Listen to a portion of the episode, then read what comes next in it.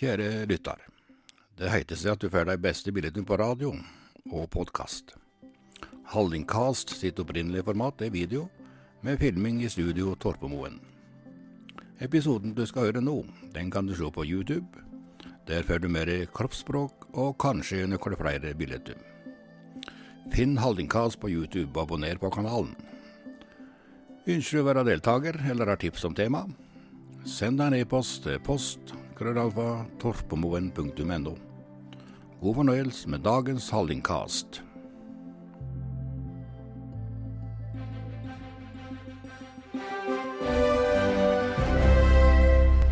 Navnet mitt er Sjur Dagestad, og jeg skal nå ta deg med på en liten tur inn på ukjent land. Og det er jo innovasjon som er det vi driver med. Og mange av de innovasjonene vi driver med, er prega av at det har aldri vært noen der før. Det er oppdagelse av ukjent land. Det første jeg har tenkt å presentere for deg, det er tre utsagn. Og mange av dere kjenner de utsagnene fra før, men jeg har dem med fordi de, jeg opplever dem som grunnleggende viktige. Og det første utsagnet det er eh, som følger at når forandringens vind blåser, søker noen ly, mens andre bygger vindturbiner, eller vindmøller var det opprinnelige som jeg hørte for mange år siden. Og sånn er det at når muligheter byr seg, så er det noen som opplever det som en trussel og gjemmer seg, mens andre griper muligheten og bygger business på det. Sånn er vi eh, som mennesker. Noen er forskjellige, eller vi er forskjellige fra hverandre. Ingen er lik deg, for å si det på den måten. Og, eh, og bare for å holde tak i dette med mennesker, så har vi det andre utsagnet som jeg har lyst til å ta med, som Ronald Reagan får veldig mye kred for. Det er sikkert mange andre som har sagt det. Men Ronald Reagan skal ha sagt at vi har tre typer mennesker. Vi har de som får ting til å skje. Så har vi de som ser på hva som skjer, og så har vi de som lurer på hva som skjedde. Og, og, det er klart, du er jo helt avhengig av å få med deg den typen der. Det er de som får ting til å skje. Og så er det klart, den som er nedi der, de som lurer på hva som skjedde, kan jo av og til være ganske tungt å dra det med seg i prosjektet. Så får du vurdere om du skal ha det med eller ikke ha det med. Det tredje utsagnet som jeg har med sånn i starten her nå, det var et utsagn som jeg lærte på slutten av 90-tallet. Da var jeg FoU-direktør i Aura-gruppen. Vi var Norges største ventilasjonsprodusent. Og konsernsjefen der hadde et utsagn det er det du skal få høre nå, han hadde et utsagn som han mol på og mol på og drog fram nesten hver eneste dag. Jeg tror jeg hørte det omtrent hver eneste dag i den tida jeg var der. Og etter hvert så hadde jeg hørt det så mange ganger at det begynte å bli en del av meg sjøl. Og det er du kan bestemme deg for å få det til, eller du kan bestemme deg for å ikke få det til. Og i begge tilfeller vil du få rett. Så ta med disse tinga her, for dette er tre utsagn som jeg ikke bare har plukket ut av løse lufta. Det er tre utsagn som jeg mener sjøl er grunnleggende viktig når det er du skal oppdage ukjent land når det er du skal inn og lage den innovasjonen som ingen andre har lagd. Og Det første jeg skal ta tak i, eh, eh, det er veldig kjent for de som går på kurs hos oss. Eh, og Hvis det er en ny seer, så er det ikke sikkert at det er så kjent. Men jeg gjentar det på ny, for det er igjen helt fundamentalt viktig. Og det er å jobbe med behov og løsning. Og der har jeg med ei historie det er egentlig ikke ei historie, det er mer noe som skjedde på 50-tallet i Norge. Og det som skjedde, var at vi fikk kvinner inn i politiet. Og jeg har lest om kvinner inn i politiet på mange måter. Altså jeg har gjennom de siste 30 år jeg drev med innovasjon siden slutten av 80-tallet. Og i løpet av den perioden så har jeg kommet borti politikvinner og hva de har opplevd osv. Her har jeg med et utsagn fra Politibladet fra 1958 og Der eh, står det landsstyret mener prinsipielt at politiet i sin alminnelighet ikke egner seg for kvinner. Så Det var den velkomsten kvinnene fikk av sine kollegaer. Og Nå skal jeg vise dere et bilde ifra ja, når kan det være? Det er i hvert fall etter 1958, da. Kanskje det er ifra 1963 eller et eller annet sånt. Men det er ifra slutten av 50-, begynnelsen av 60-tallet. Og der har vi en politimann og en politidame som er ute på patrulje. Det er vel patrulje de kaller det. I Brumunddal ville de sagt de er ute på tur, men er, de er vel ute på jobb. Dessverre, da heter det noe annet. Og bare legg merke til klær som de har på seg.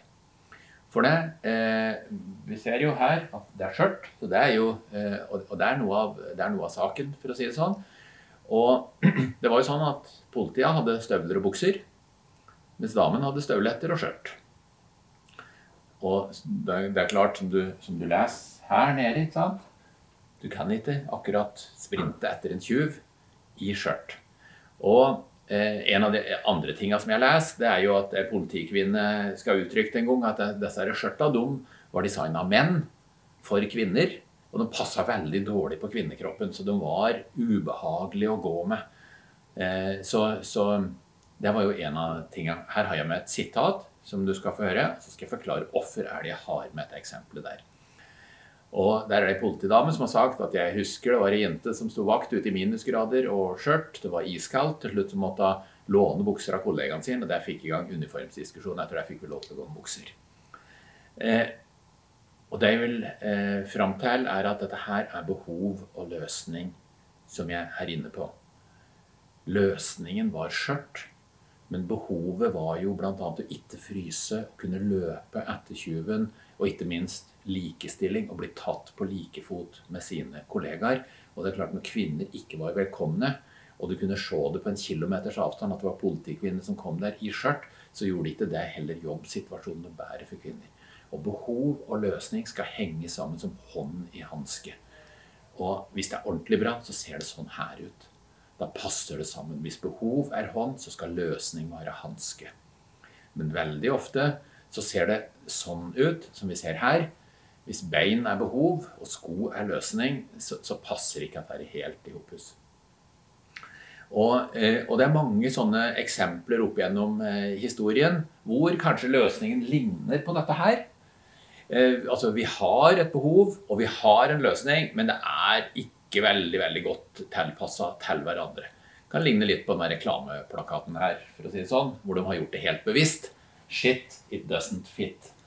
Eh, og det er klart, Her har de gjort noe ut av det. Men du som driver med innovasjon, det er din jobb å finne ut hva er behovet. Altså hvor er steinen i skoen, for å si det sånn. Mens vi er inne på sko.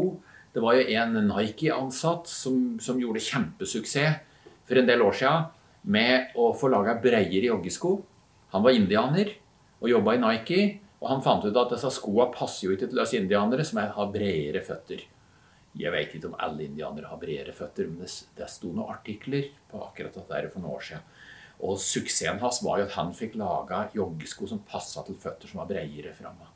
Og, og, og, så kan han si ja, men herregud, de har jo laga joggesko i, i årevis, vet de ikke det? Og jeg skal love deg én ting. Nei, du vet ikke det. Jeg reiser rundt og bor på hoteller overalt og driver eh, som foredragsholder.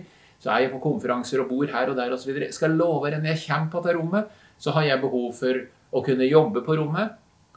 Og den ergonomien som er på mange av rommene, det er at jeg sitter sånn her og skriver. Og hvis jeg skal være på det hotellet i to-tre dager, så kan jeg sitte i to timer og jobbe, så er jeg helt gående i skuldra. Vet de ikke at folk sitter og jobber på rommet?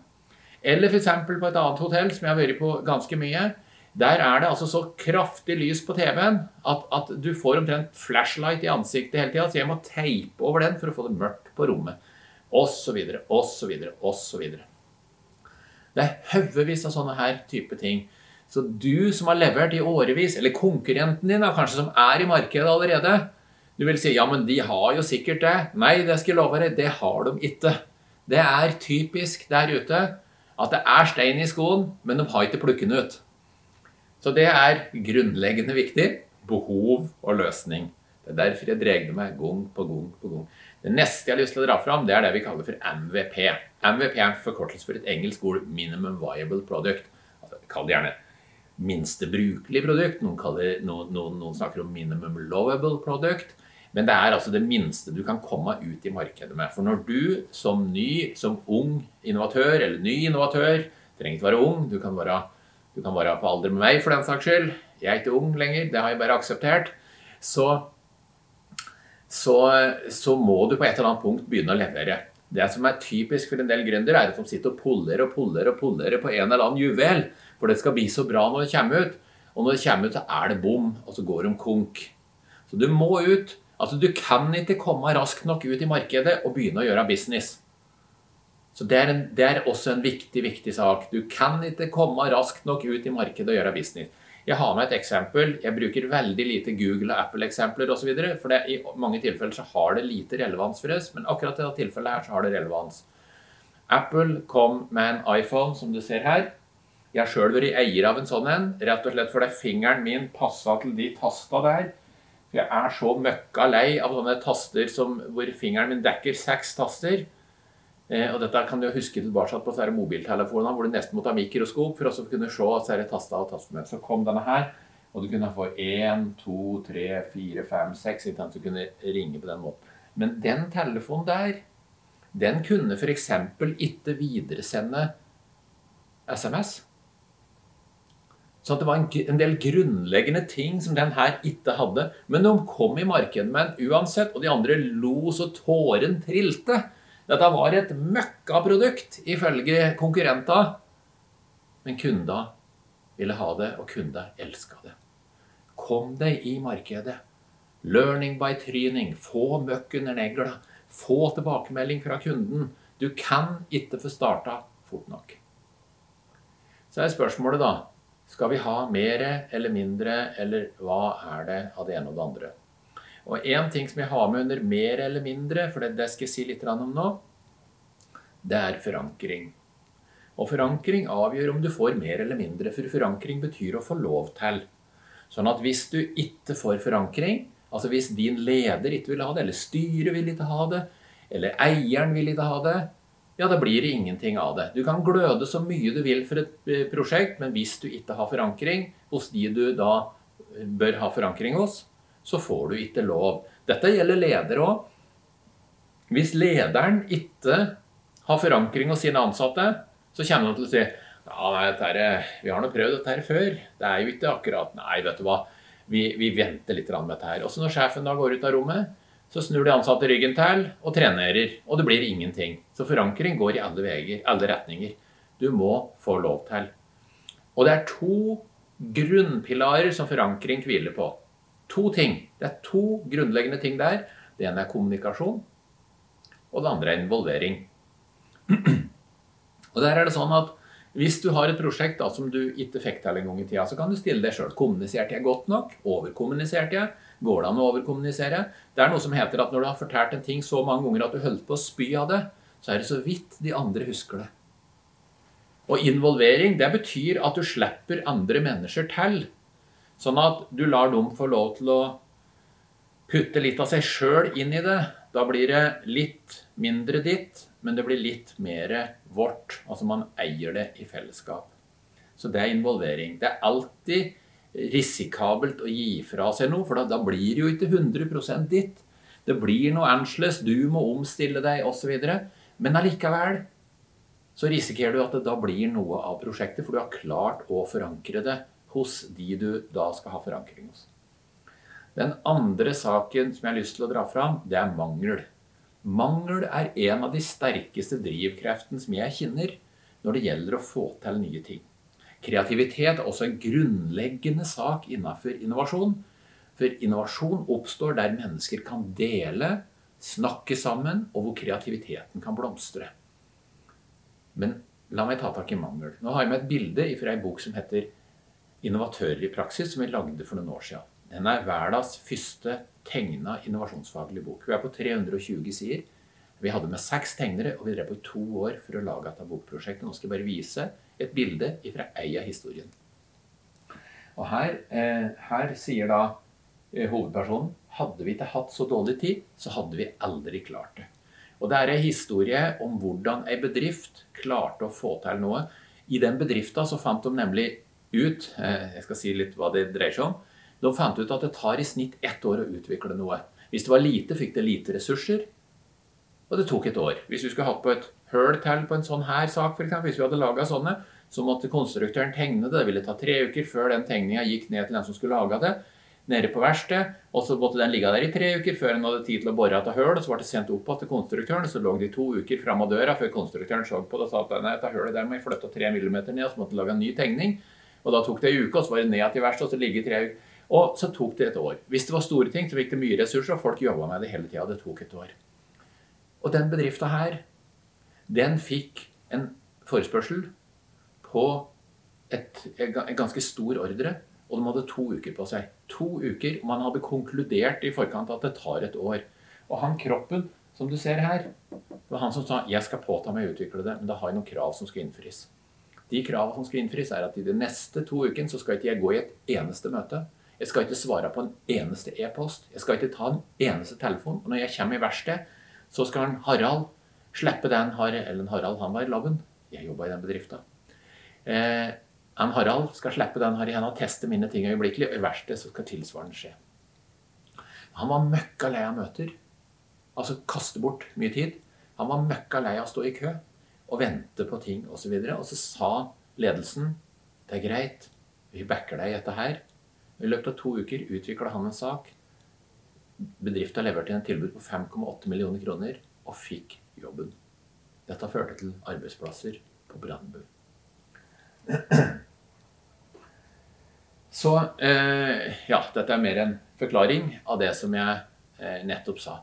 Men mangel er en av de kraftigste effektene som jeg kjenner på å få til innovasjon. Det er noen tilleggsting som må oppfylles. Du må forstå at oppgaven er viktig. Så hvis det er bare noe dill, og det er mangel, så blir det ikke gjort. Men hvis det er super, super Si det er krig i landet og du er avhengig av å få opp ambulansetjenesten i Hallingdal f.eks. Men vi har ikke bensin. Ja, da kan det godt hende at i løpet av to uker så er det noen som har laga knottgenerator igjen. Og så får vi vedfyrt ambulanser oppover i Hallingdalen osv. For det er viktig å få opp ambulansetjenesten. Vi har ikke bensin. Vi har ingen verdens ting. Ikke strøm heller, kanskje. Og så klarer en å lage det. Så mangel en fantastisk ressurs som vi ofte ikke er klar over at er en ressurs. Det kom ei bok for noen år siden som heter Blått hav-strategien, eller Blue Ocean Strategy. Og i den boka den var fundamentalt forskjellig fra en del andre bøker. Mange av de innovasjonsbøkene som kommer, de er same shit, new wrapping. De har funnet noe et eller annet sted, og så har de bare pakka det inn på en ny måte og branda det litt, eller, eller bare laga det på en, en, en, annen måte. Mens eh, i Blått hav-strategien så dro de fram flere nye verktøy og et av verktøya det er det som kalles gitteret. Og jeg skal vise det gitteret nå. Det er et, egentlig et fint verktøy. Det er superenkelt. Du kommer til å skjønne det hele veien. Men det er dritvanskelig å få til. Ofte så er det enkle veldig vanskelig å få til. Gitteret det ser sånn ut. Det er egentlig bare fire ruter. Nå skulle du tro at jeg har gått på Handelshøyskolen. For det, hvis du går på Handelshøyskolen, så må du lære å sette opp fire ruter. Og det er sånn hest og ku og kenguru og sånn. Eller dårlig og god og fantastisk osv. De har, det er nemlig, Du kommer ikke ut av Handelshøyskolen uten å kunne sånn her firkant, men jeg skal vise deg hva gitteret er. på en, ja, Jeg skal fylle noe inni oss her. Det første det er at du må fjerne noe i det du har. Og Dette her går jo på bedrifter som har klart å fornye seg. Så dette her er jo ikke nødvendigvis til den som starter med nytt. Vil si Den som starter på nytt, kan jo ta utgangspunkt i det som finnes der ute. Hvordan kan jeg modifisere det, for å si det sånn og du må fjerne noe. Det er altfor mye i produkta som regel uansett. Det er 100 funksjoner, og du trenger 17 av dem som regel. Og så må du skape noe. Det er Veldig ofte så er det noe som mangler.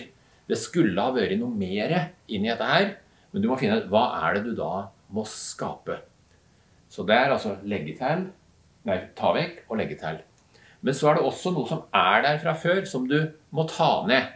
Du trenger det ikke så sterkt som du trenger. Trenger du alle de funksjonene du har i tekstbehandlingssystemet ditt, eller hva det nå enn måtte være? Eller kanskje det går an å komme med et tekstbehandlingssystem som dekker alt 96% av kundene gjør, og så sier vi de siste 4% av kundene der ute i markedet bruker ikke de og de og de funksjonene, så de kan heller få en, en, en, en mer avansert variant. Og så må du øke noe. Det er noe som er der, som brukes mye, som vi kan trykke til på og gi litt mer av. Dette er gitteret. Og det er veldig lett å legge til, og veldig lett å øke. Eh, det er kjempevanskelig å fjerne og redusere. Kjempe, kjempevanskelig. Jeg har jobba med dette verktøyet her helt siden, eh, ja, siden årtusenskiftet omtrent. Og jeg ser det, det, det går igjen overalt. Vi klarer omtrent ikke å fjerne eller redusere. Så sa jeg at vi skal inn på ukjent land. Og La oss ta en titt på ukjent land, da. For det, her har vi et bilde av Australia. Og legg merke til, i midten her så er det, ja, det er faktisk en strek der, det kan hende det er møkk eller et brett eller et eller annet sånt. Men det er jo ingenting i midten. Det er ingen som har vært der enda, og noen skal jo inn og oppdage dette her. Nå er stort sett de fleste landområder på jorda er jo oppdaget. Vi har hatt en del ukjent land på havet. Men for deg som innovatør, så er det du gjør, er faktisk tilsvarende som oppdagere som reiser inn herifra og inn her for å kartlegge og finne ut hva er det som, er det som befinner seg inni her. Og, så innovasjonsledelse er å lede på ukjent land. Bare vær klar over det. Noen av dere driver med inkrementelle innovasjoner, så det er, det er, det er kanskje ikke så fryktelig vanskelig, men for en femåring så, så kan det være vanskelig å gå i nabolaget og bort til nabohuset osv. Så, videre, så kan det hende at det ligner på den type ukjent land. Og for noen av dere så er det helt, helt nye ting. Det er ting som du ikke har tenkt på. Og innenfor radikal innovasjon så kan det av og til være så radikalt òg at, at, kunden vil ikke skjønne hva du prater på. Det blir 'god dag' med en økseskaftsamtale. Tenk deg at du kunne reist til 50-tallet da, og så fortalt om dagens smarttelefon. Du får ikke lov å ha med en telefon. Du vet at du kommer fra 2020, og du kan prate på telefon åssen er det. skal si, ja, og Vi har kamera i telefonen. altså Bare en sånn grunnleggende sak. Og da kommer du sannsynligvis til å tenke gammeldags telefonapparat med tallskive, altså kamera stikkende ut der osv. Og, når du begynner med alt det andre du kan gjøre i tillegg, og overvåkning av kroppen og livsfunksjoner, og at dette her er livet ditt, og det er nesten så du kan plugge det opp i armen, så, så har du ikke nubbesjanse til å forklare det. Ikke engang om du hadde vist det, så ville de ha skjønt mye av det vi gjør. Da er du ordentlig, ordentlig på kvitt land. Da driver vi med radikal innovasjon. Men du må kunne lede inn i dette der òg. Og de folka du leder, de elsker jo å flytte grenser. For de som kommer på innovasjonsavdelingen eller utviklingsavdelingen, det er mennesker som, som føler at vi må pushe grenser litt. Og de menneskene som er opptatt av regelbundet arbeid, og som vil ha trygghet, og som tenker at nei, Nei, jeg vil lære åssen det er. Fortell meg, skal jeg gange med 10,4 eller 10,6? Skal jeg legge til sånn og sånn? De skal du ikke ta med deg på den ferden der, for de vil føle det veldig ubehagelig. Sånn at innovasjonsledelse er å lede på ukjent land. Og du som leder må altså både være med og da stake ut kursen og finne ut hvor er det vi skal dra hen, da, hvis vi bruker Australia på ny. Hvordan skal vi krysse landet? Hvor skal vi gå hen? Og så må du samtidig gi folk rom, for det er ukjent land. Og da må de få lov til å tryne. Og hvis du tryner uten å plukke det opp, uten å lære av det, det er å feile. Men hvis du lærer av den feilinga, da er det læring. Og det er jo det dere skal gjøre. Dere skal jo lære og lære og lære. Og læring har en kostnad. Går du på BI, så koster det 25 000 eller 50 000 eller hva det er. Hvis du bygger noen prototyper, og de funker ikke, så har det kosta 38 000. Læring koster det. Sånn at det at du gjør noe, og det feiler, det er kun feiling hvis du ikke lærer av det. Da har du driti deg ut. Men har du lært av det, så er det læring. Da er det ikke feiling. Den kan du tygge litt på. Og så skal du hente inn mennesker, men du skal også få mennesker ut av prosjektet. Og det siste er mye vanskeligere enn det første for mange av oss. Det er greit å finne folk, men husk på en del overskjærer seg, og de skryter av at de er fantastisk flinke osv., osv. Men de er bare Reigen-toere. De står og ser på at ting skjer. De er ikke Reigen-enere, de som får ting til å skje. Sånn at du er da nødt for å fjerne dem fra prosjektet igjen. Det blir omtrent som å kjøre båt, men ikke ha drevet opp dreggen. Sånn at du har dreggen hengende ute. Det er fryktelig tungt. Du kommer deg fram, og den hekter seg fast både her og der. Men få den dreggen om bord i båten, sånn at båten kan gå raskere fram. Og sånn er det med å ha riktige mennesker med i prosjektet hele veien. Og helt til slutt så har jeg lyst til å bare vise to bilder. Det ene er at det blæs hardest på toppa, men det er jaggu meg der tåka legger seg raskest òg. Så bare vær klar over det. Og mange av dere som ser på, dere er i store bedrifter, og da prater vi om Glava-laget f.eks. Du har topplederen, eller Gud, på toppen.